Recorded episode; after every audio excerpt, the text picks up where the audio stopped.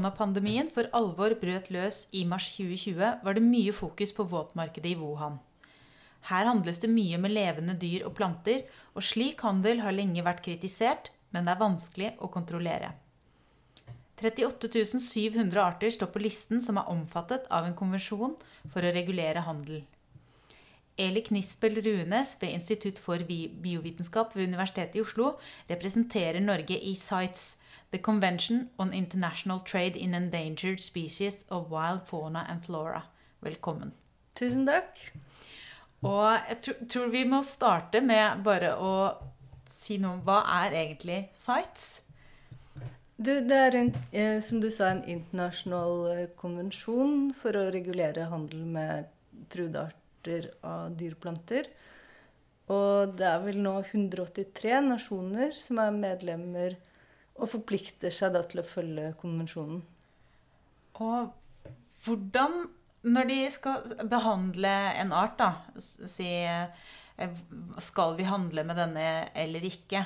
Hva er det som avgjør eh, det spørsmålet? Hvordan, hvordan bestemmes det? Eh, det ganske, kan være en ganske langvarig prosess, men alle medlemmene kan stille forslag til arter som enten skal inn på listene, ut av listene, eller eh, det er flere nivåer av regulering. Så om de skal flyttes opp eller ned på listen. Og så er det vel stort sett sånn hvert andre eller tredje år hvor absolutt eh, alle møtes i 'Conference of the Parties'. Og der stemmes det over eh, disse listeforslagene, som det kalles. Hvordan, eh, Du har jo vært med på en sånn eh, seanse. Hvordan var det å være til stede der og se på hvordan dette fungerer i praksis? Eh, det er ganske overveldende. Det er eh, Eh, kan jeg bare si at Første gangen jeg var der, så var det ikke For det, det, det er flere, flere hva skal man si, fora innen sitesystemet òg. Conference of the Parties er der hvor alle møtes. Men eh, det er også en dyrekomité og en plantekomité som eh, gjør forarbeidet med de mer sånn vitenskapelige aspektene.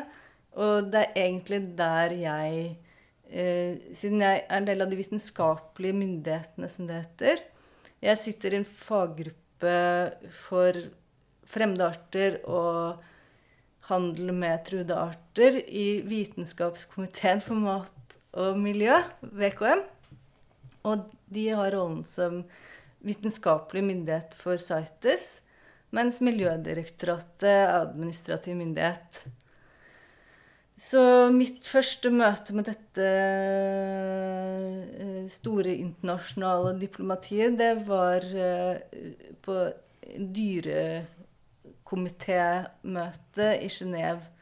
Hvor jeg kom inn i en sånn enorm sal, sånn FN-aktig, med plass til flere hundre mennesker. Eh, med sånne mikrofoner som lyser rødt når man snakker, osv. Så, videre. så det var en helt ny verden for meg.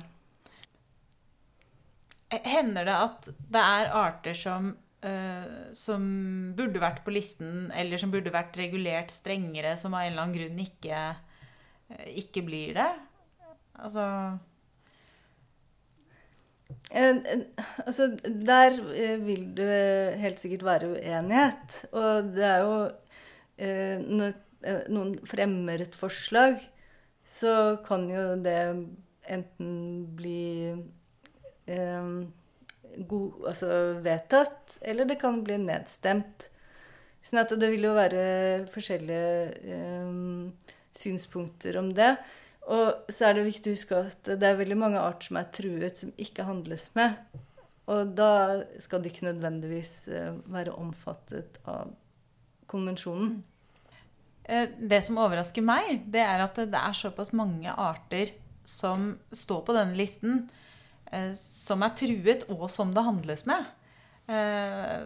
Burde det, ikke, burde det ikke vært forbudt å bare handle med alt av truede dyr og planter? Og hvorfor er det lov likevel? Um, jeg tror for en del uh, så er det lange tradisjoner for å handle med det. Og det ville antageligvis ikke vært så lett å opphøre sånn uten videre. Uh, det er også uh, mye ulovlig handel. Sånn at intensjonen med dette, det er jo å kunne regulere. Og hvis eh, man finner ut at noen land eh, bryter med konvensjonen, handler altså større omfang enn det de egentlig har lov til, eller uh, forfalsker papirer, eller det Ja. Hva skjer da? Eh, da kan de suspenderes fra å drive behandling. Sånn at det, det, er noen virkemidler her. Man har sånn uh, country species-kombinasjoner hvis man Hvis man har mistanke om at det er uh, noe som ikke er som det burde, at det blir spesielt overvåket. Mm.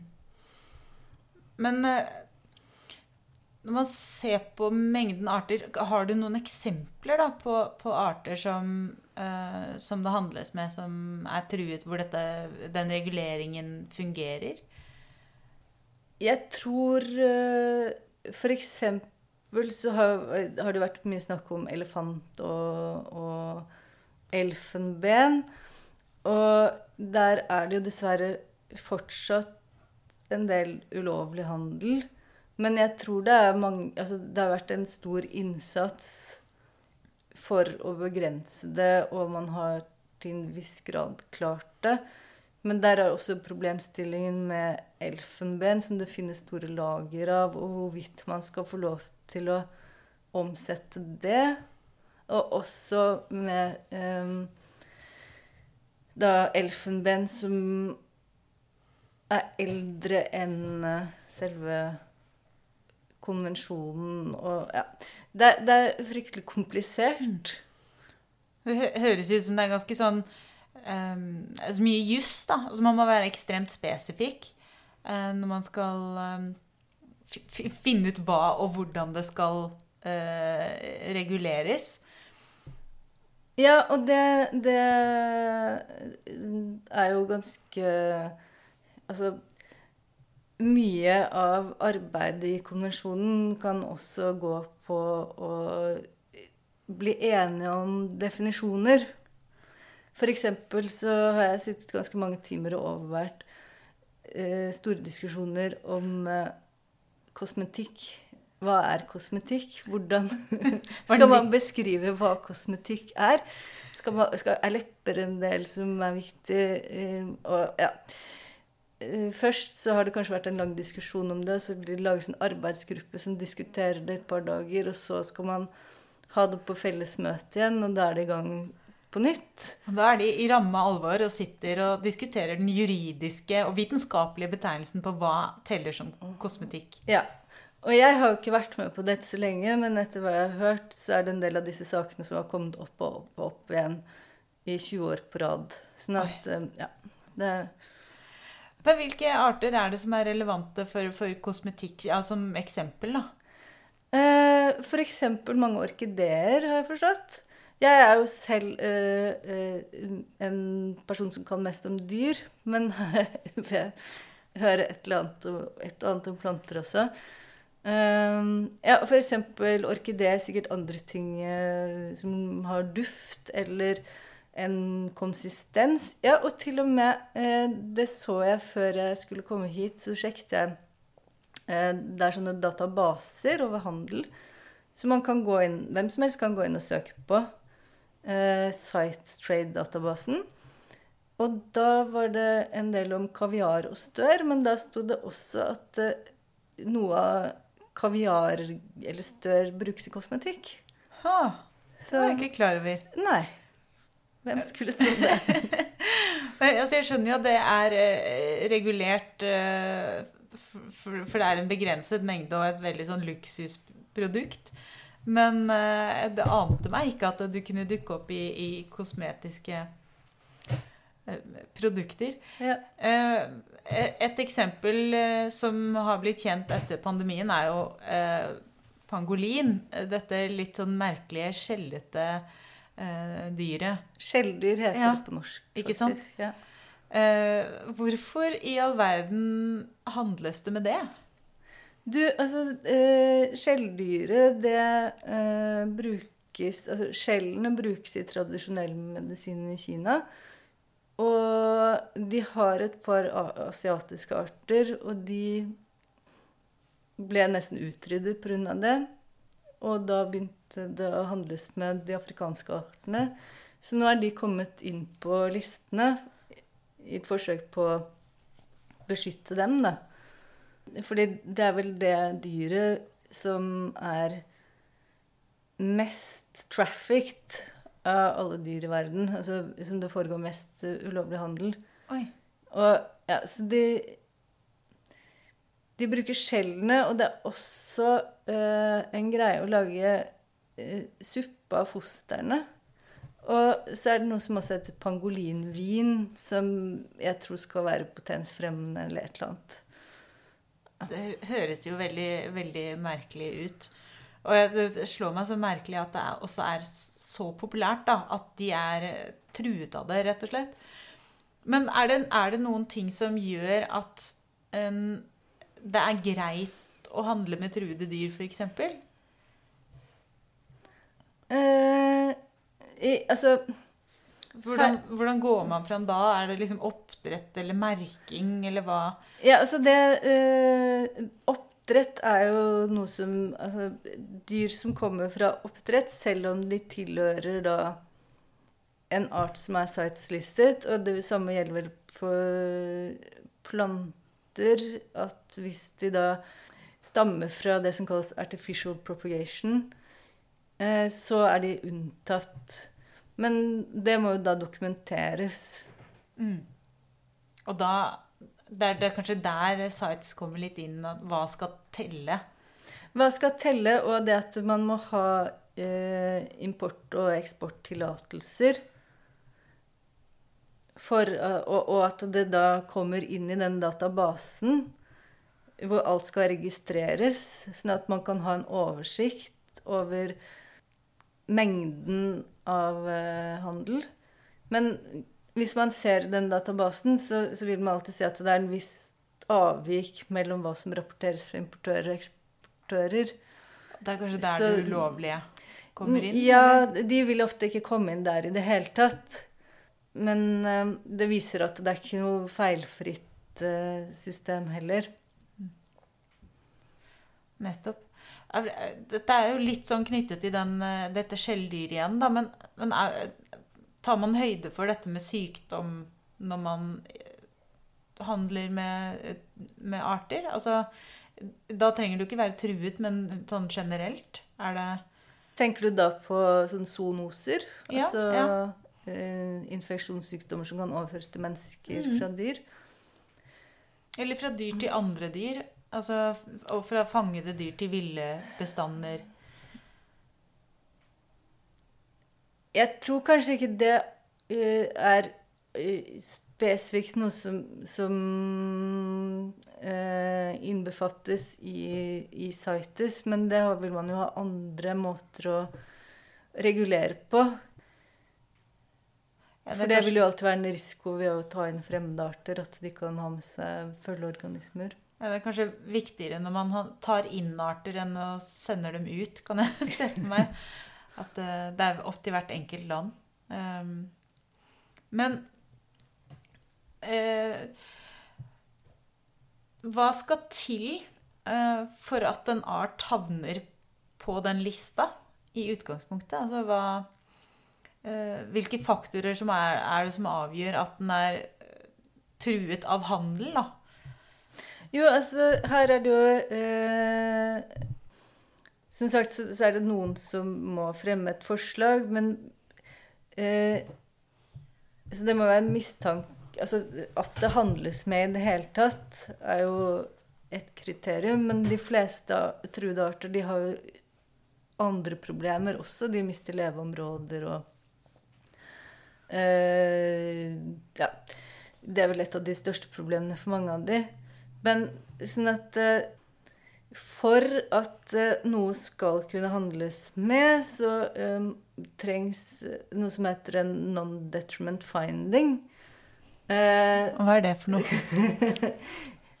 det er et, en en, en kunnskapsutredelse som hvor, hvor man må Altså hvor man sier at handel ikke er en trussel mot denne artens overlevelse. Sånn at de landene som skal eksportere, de har en plikt til å at det da finnes en sånn non-detriment finding. Så da, da må man dokumentere at denne arten øh, klarer seg bra. Ja, og så eh, så må man da også følge opp bestander. Og eh, dette er spesielt kanskje sånn eh, fordi i South er det jo liste én, der hvor det er de aller mest truede artene. Eh, og så er det liste to, hvor det er de som på en måte skal følges opp. Men i liste én så er det f.eks. noen arter som gepard og leopard, f.eks. Hvor det er lov med trofé Altså man kan um, handle med trofeer. Å ja. Det, er- altså det er lov å jakte på som trofé, rett og slett? Ja. Uh, men da er det spesielle kvoter, og så skal bestandene overvåkes. Og eh, at F.eks. at du bare kan ta ut gamle hanner eller dyr man regner med ikke er så viktige for bestanden. Men akkurat hvor godt det fungerer som et altså Man tenker at det er et bevaringsverktøy, og at det også kan bidra positivt til de landenes økonomi, for det er jo et fattig land. Men det eh, har det vært forsket litt på med litt motstridende resultater. Eh, så ja, det er ganske komplisert alt sammen. Er, tror, du, tror du man er mer villig til å eh, Overfor en del eh, la, la, la oss si utviklingsland, da, eh, som kan støtte seg litt på turisme og f.eks. troféjakt, eh, at man er litt mer villig til å la, la dem få handle med det eh, for at de kanskje skal få inn penger som er viktig for å bekjempe andre ting, som fattigdom eller sult, eller er, på en måte er sånne ting med i, i, eh, i regnskapet når man skal stemme over dette? Eh, det vil jeg tro, men, men som fagperson så er heldigvis det jeg vurderer, det er det rent biologiske, om datagrunnlaget er godt nok, om, og om man kan eh, si noe om, om handelen vil ha en negativ innvirkning på overlevelsesevnen. Eh, så er det en mer politisk avgjørelse om ja, Hvis man trekker inn disse sosioøkonomiske aspektene i det hele. Ja. Er det, har du noen eksempler fra Norge? Eh, altså eksempelvis på Svalbard så er det jo isbjørn og mye turisme. Altså, er dette noe som, eh, som er med i sites-lista? Isbjørn er absolutt med. Eh, og isbjørn er fredet i Norge. Eh, men vi jobbet faktisk med en sak fordi at Canada de tillater noe jakt på, på isbjørn. Og Norge importerer skinn derfra som selges på Svalbard i skinnbua, som det heter. til stort sett til kinesiske turister. Eh, og eh, i Canada så, så har det vært tradisjon at, eh, at det er eh, en såkalt First Nations som, som driver jakt. Men det har jo vært krav om bestandsovervåkning, men så har de endret litt metoder. sånn at etter vår vurdering så var det så stor usikkerhet i de bestandstallene at, eh, at vi mener at man kan ikke si med sikkerhet at det er Altså at det ikke er negativ effekt for bestanden. Nettopp. Men ja. Og da, da er det de vitenskapelige metodene for overvåkning av arten som er med på å, å annet avgjøre da, med hvor stor sikkerhet man kan Ja, altså vi eh, Når vi gjør de vurderingene, så, så heldigvis betyr det egentlig ikke så mye hva vi mener, og hva man syns, og man skjønner hvorfor noen har lyst til å handle med en art. Men oh ja, hvor, Hvorfor det? Man skulle jo tro at, det, at de faglige begrunnelsene veide ty veldig tungt i, i jo, denne. eh, ja, det var, jeg mente bare at heldigvis så slipper jeg å mene noe egentlig selv. Om, men at vi har retningslinjer fra eh, Vi bruker retningslinjer fra Verdens naturvernunion, IUCN. Og da eh, eh, ser på Altså det er hva man vet om hvordan trender i bestanden osv. I tillegg så, så ofte kontakter vi noen som jobber med det. Og ser på delbestander I hvert fall ja, sånn eh, Hvis noen vil importere et trofé, f.eks., så ser vi akkurat hvor den er tatt. Hva, hva vet man om akkurat den spesifikke bestanden? Eh, men i mange tilfeller så er det da eh, f.eks. Eh, med disse listeforslagene, da, hva Norge skal mene, så gir vi en faglig uttalelse. Men så er det ikke opp til oss å avgjøre hva Norges posisjon blir til slutt. Hvem er det som tar den avgjørelsen? Eh, altså, det er vel til syvende og sist eh, Klima- og miljødepartementet. Eh, de rådfører også Miljødirektoratet, som er såkalt administrativ myndighet i disse sakene. Eh, sånn at det eh, Men ja. Vår jobb er uh, heldigvis Det det, rent faglige. Nettopp. Og vi publiserer også alt vi gjør. Sånn at alle kan gå og se på det og lese de faglige begrunnelsene. Nettopp. Eh, På eh, Wikipedias eh, norske side for sites så står det jo bl.a. at Norge har reservert seg eh, mot å oppføre enkelte arter på listene. Eh, og da er det en god del eh, hvalarter som Norge ikke, ikke har lyst til å ha inn på, eh, på sites. Eh, hvorfor, hvorfor det, egentlig? Du, det, det kan jeg rett og slett ikke svare på. Eh, for det er en politisk beslutning. Og eh, heldigvis så driver ikke jeg med politikk. Men får dere, får dere i oppgave å, å vurdere bestanden, f.eks.?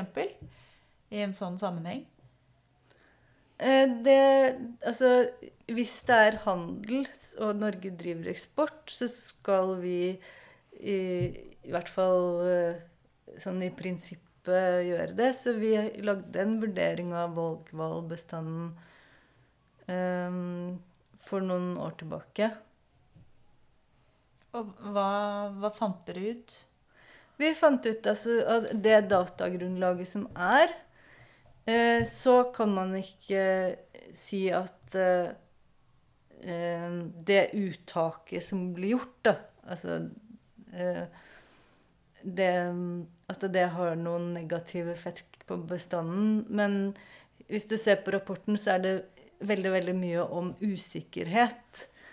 Og det er mye av det vi sitter med i mange av de sakene vi jobber med, det er at eh, de metodene man bruker til å overvåke bestander, eh, har veldig stor usikkerhet, og også i mange tilfeller at eh, I Vågehval så drives det jo faktisk eh, sånne forskningstokt ofte, men for veldig mange andre arter så er det ganske lite data, og ofte gamle data.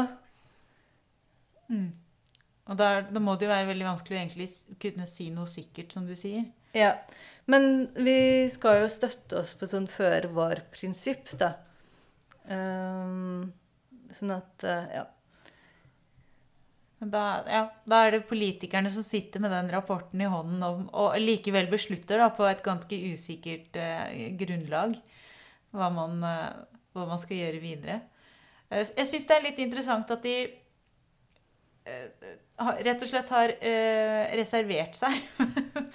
men, eh, men det er sikkert en kompleks politikk bak som ligger, ligger til grunn her. Og denne, den opplysningen er jo da hentet fra Wikipedia, det kan jeg også bare si. Sånn at den eh, er jo ja, en liten usikkerhet i det òg, kanskje. Ja, Wikipedia er jo ikke alltid helt etterrettelig, men jeg tror du ville funnet den samme opplysning hvis du Du kunne også gått på sitet sine sider og sett hvilke arter Norge har reservert seg eh, mot. Og Er det, er det vanlig at man reserverer seg mot, å, mot enkelte uh, arter? Ja, det er ikke helt uvanlig, i hvert fall. Uh, så det finnes en del uh, tilfeller. Hva, hva skjer egentlig da? hvis man har... Hva betyr den reservasjonen i praksis?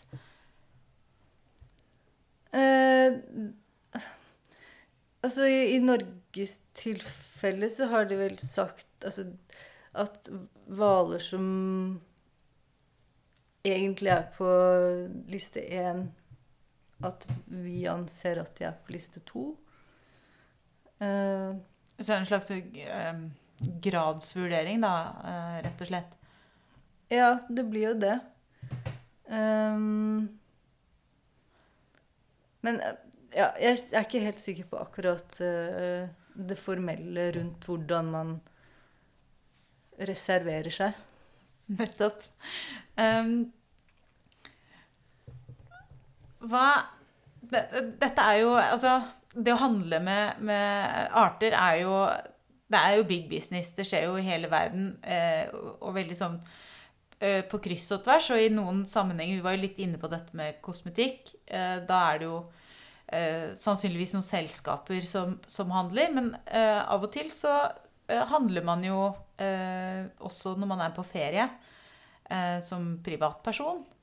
Hva, hva tror du er den vanligste feilen folk gjør når de Hvis de har med seg noe som de kanskje ikke burde, burde kjøpt med seg, da? De har vel ikke undersøkt, da.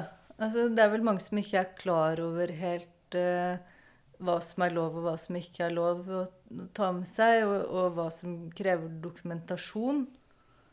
Um, men det er vel kanskje lurt hvis man eh, skal handle noe som eh, man ser stammer fra et dyr, f.eks. Sånn som skinn? Eller Eller skinn, eller Det lages jo sikkert smykker og ja, tenner og hva nå enn man måtte sånn finne. hvis man har vært på ferie og så tar med seg et kult smykke med en liten hvalhai eller et eller annet. Nei, en liten hvaltann, mener jeg. En liten val, bitte liten hvalhai. De er jo kjempesvære. Eh, Nei, jeg tenkte på sånn hvaltenner eh, eller, eller et eh, belte av krokodilleskinn, eller jeg vet ikke. Altså, det, jeg kan se for meg at det er ganske mange sånne um, produkter da, eh, som folk ja, handler med, og som syns, de syns er kult å ha med som en sånn suvenir, men som man kanskje ikke har tenkt over at, at kan, eh, egentlig er, kan være regulert. Ja. Jeg, jeg tror nok det, det er jo en personlig forpliktelse man har.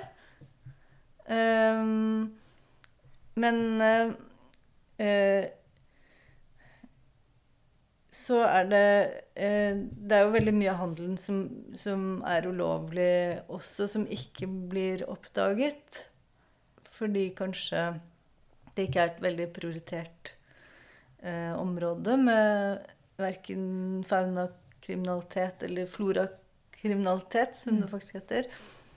Eh, sånn at veldig mye av de beslagene som gjøres, de er i forbindelse med annen kriminalitet, f.eks. narkotikabeslag eller en razzia hjemme hos noen hvor man har mistanke om noe annet, og så finner man Oi, der var det noen ulovlige slanger, eller eh, et eller annet, da. Eh, sånn at det er ganske tilfeldig. I de, I de fleste tilfeller. Det er også kompetansen som det krever å identifisere materialet. Og én ting er jo hele dyr, eller hel, altså noe som man kan identifisere som skinn. Men en del av det som brukes i medisin, kan jo være pulver. Og hvordan, hvordan oppdager man det? Det Hvordan kan man si hvilken art det er? mm. Og da er det kanskje like vanskelig å vite om det er ekte, eller om det Ja, det, har, det er for eksempel um, uh, tigerben, som er malt opp til pulver. Oi. er noe som handles mye, og, og tigeren er jo nå helt beskyttet.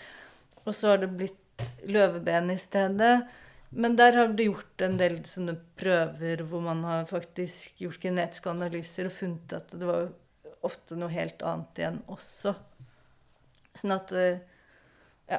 eh, Det er kanskje nesten som en slags eh, advarsel da, til folk som har lyst til å ta med seg noe eksotisk, en eksotisk suvenir hjem. At det, at det er vanskelig å Hvis du ikke har papirene i orden, vite at du, hva du har kjøpt, og at man kanskje burde tenke seg om to ganger også. man burde tenke seg om to ganger. Ja, absolutt. Men eh, det er jo også noen som ønsker å ta med seg kjæledyr hjem. Altså, det er jo alt fra en skilpadde i bagasjen til, eh, til å redde en gatehund.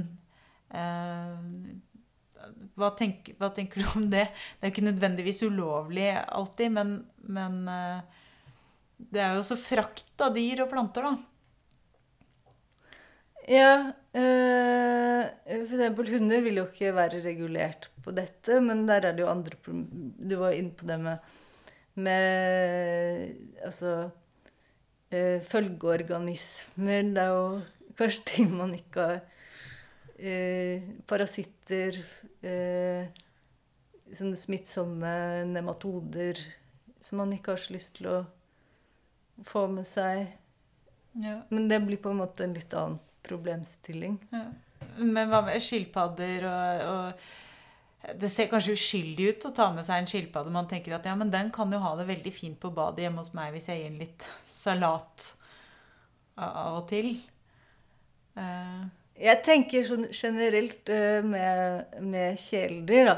Altså eksotiske eller ikke, at eh, man burde jo tenke litt på hva man har å tilby, og i et tidsperspektiv som tilsvarer dyrets levetid. ja. Sånn 15 år kanskje for en hund, 20 år for en katt, 50 år for en skilpadde, ikke vet jeg. sånn det ja. Nei, man tenker kanskje ikke over at de, de blir jo De kan bli veldig gamle. Ja. Mm. Em. Når jeg så på listen eh, over ting som, som er regulert, så dukker det opp en eh, litt sånn pussig kategori, og det er jo musikkinstrumenter. Eh, Hva er det som gjør at, at det er en vanlig ting å regulere på listen over handel med truede dyr og planter? Altså, musikkinstrumenter har jo ofte elementer av edre, edle treslag. Eh, og, så det var en ganske stor oppstandelse i musiker- og musikkinstrumentprodusentenes rekker da, da en del av de artene, sånn som Ibenholt f.eks., eh, kom under streng regulering.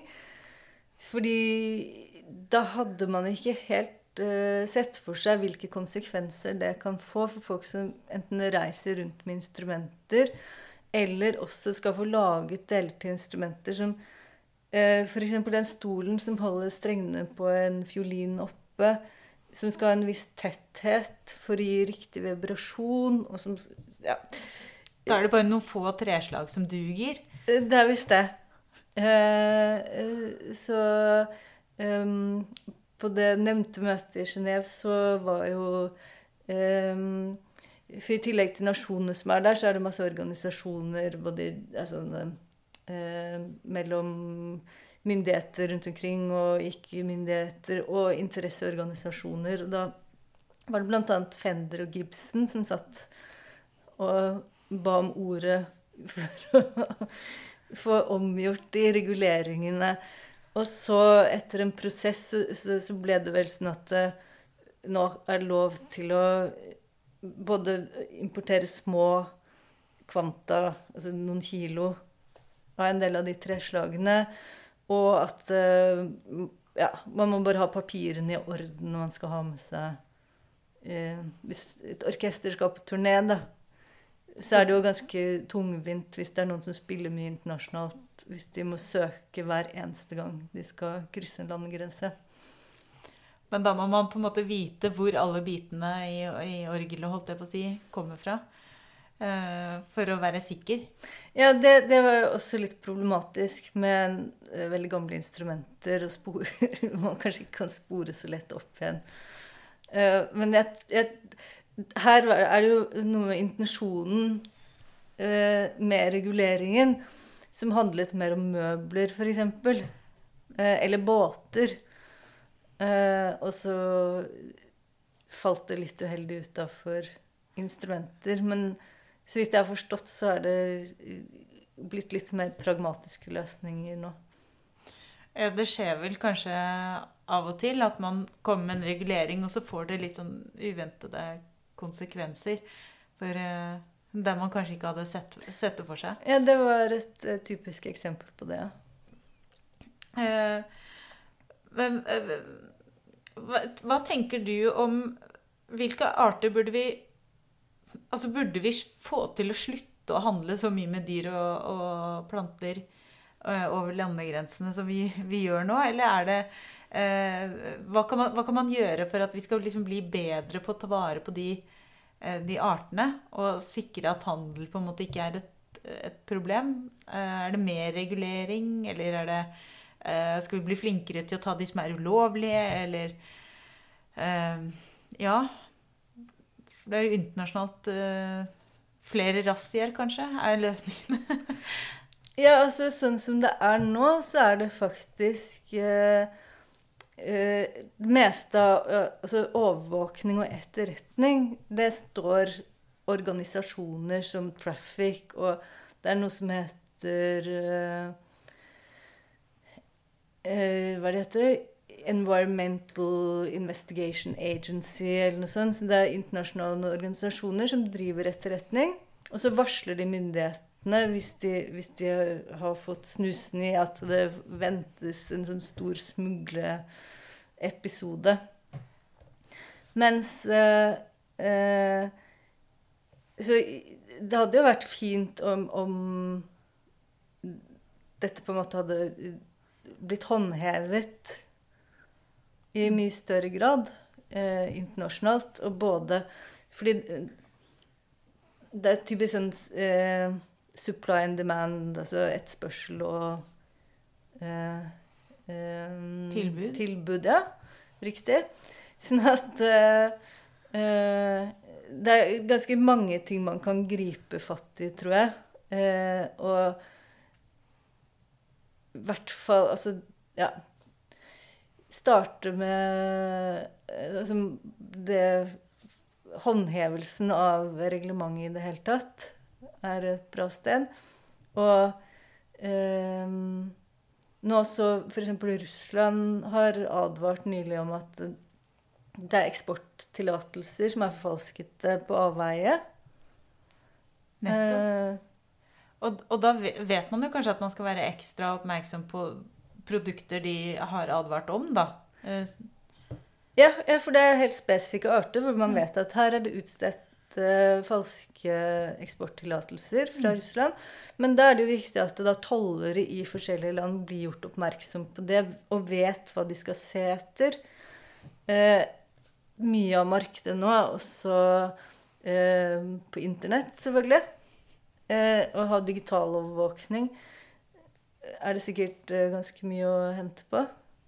Så det er et prioriteringsspørsmål. Har du, nå har vi jo eh, fått en eh, ny regjering for ikke så fryktelig lenge siden. Ehm, er det, er det noe du, vil du gi dem noen tips da, i hvordan de skal jobbe med disse spørsmålene når, når det blir deres tur å, å regjere? Er det noe de kan gjøre? Det er vel å bevilge mer ressurser, da til å forhindre eh, fauna- og florakriminalitet. Ja. De har jo Da får vi håpe de gjør det.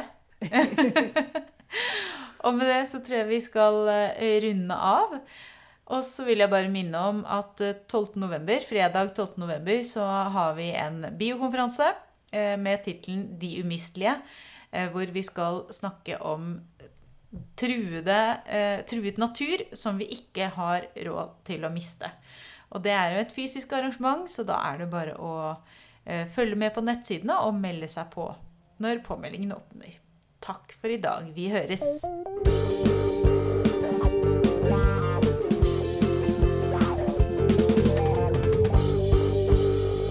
nå hørt Biopodden intervju med Elina Melteig. Og med på laget har vi også Torborg Galtland, daglig leder i Norsk biologforening. Husk å melde deg på biokonferansen fredag 12.11.2021. Temaet er De umistelige. Om arter og natur vi ikke kan miste. På biokonferansen deler vi også ut Bonnevie-prisen til en utmerket fagformidler. Kom gjerne med nominasjoner til post at bio.no. Musikken du hørte, er laget av biologibandet Overgump, som består av Even Slekten Garvang, Markus Fjelle, Erik Møller, Mathias Kirkeby og Audun Rugstad. Fortell gjerne om podkasten til venner og kjente, og gi oss tips og tilbakemeldinger på e-posten biopodden at bio.no. Og hvis du vil støtte oss, så er du hjertelig velkommen som medlem av Norsk biologforening. Vi høres!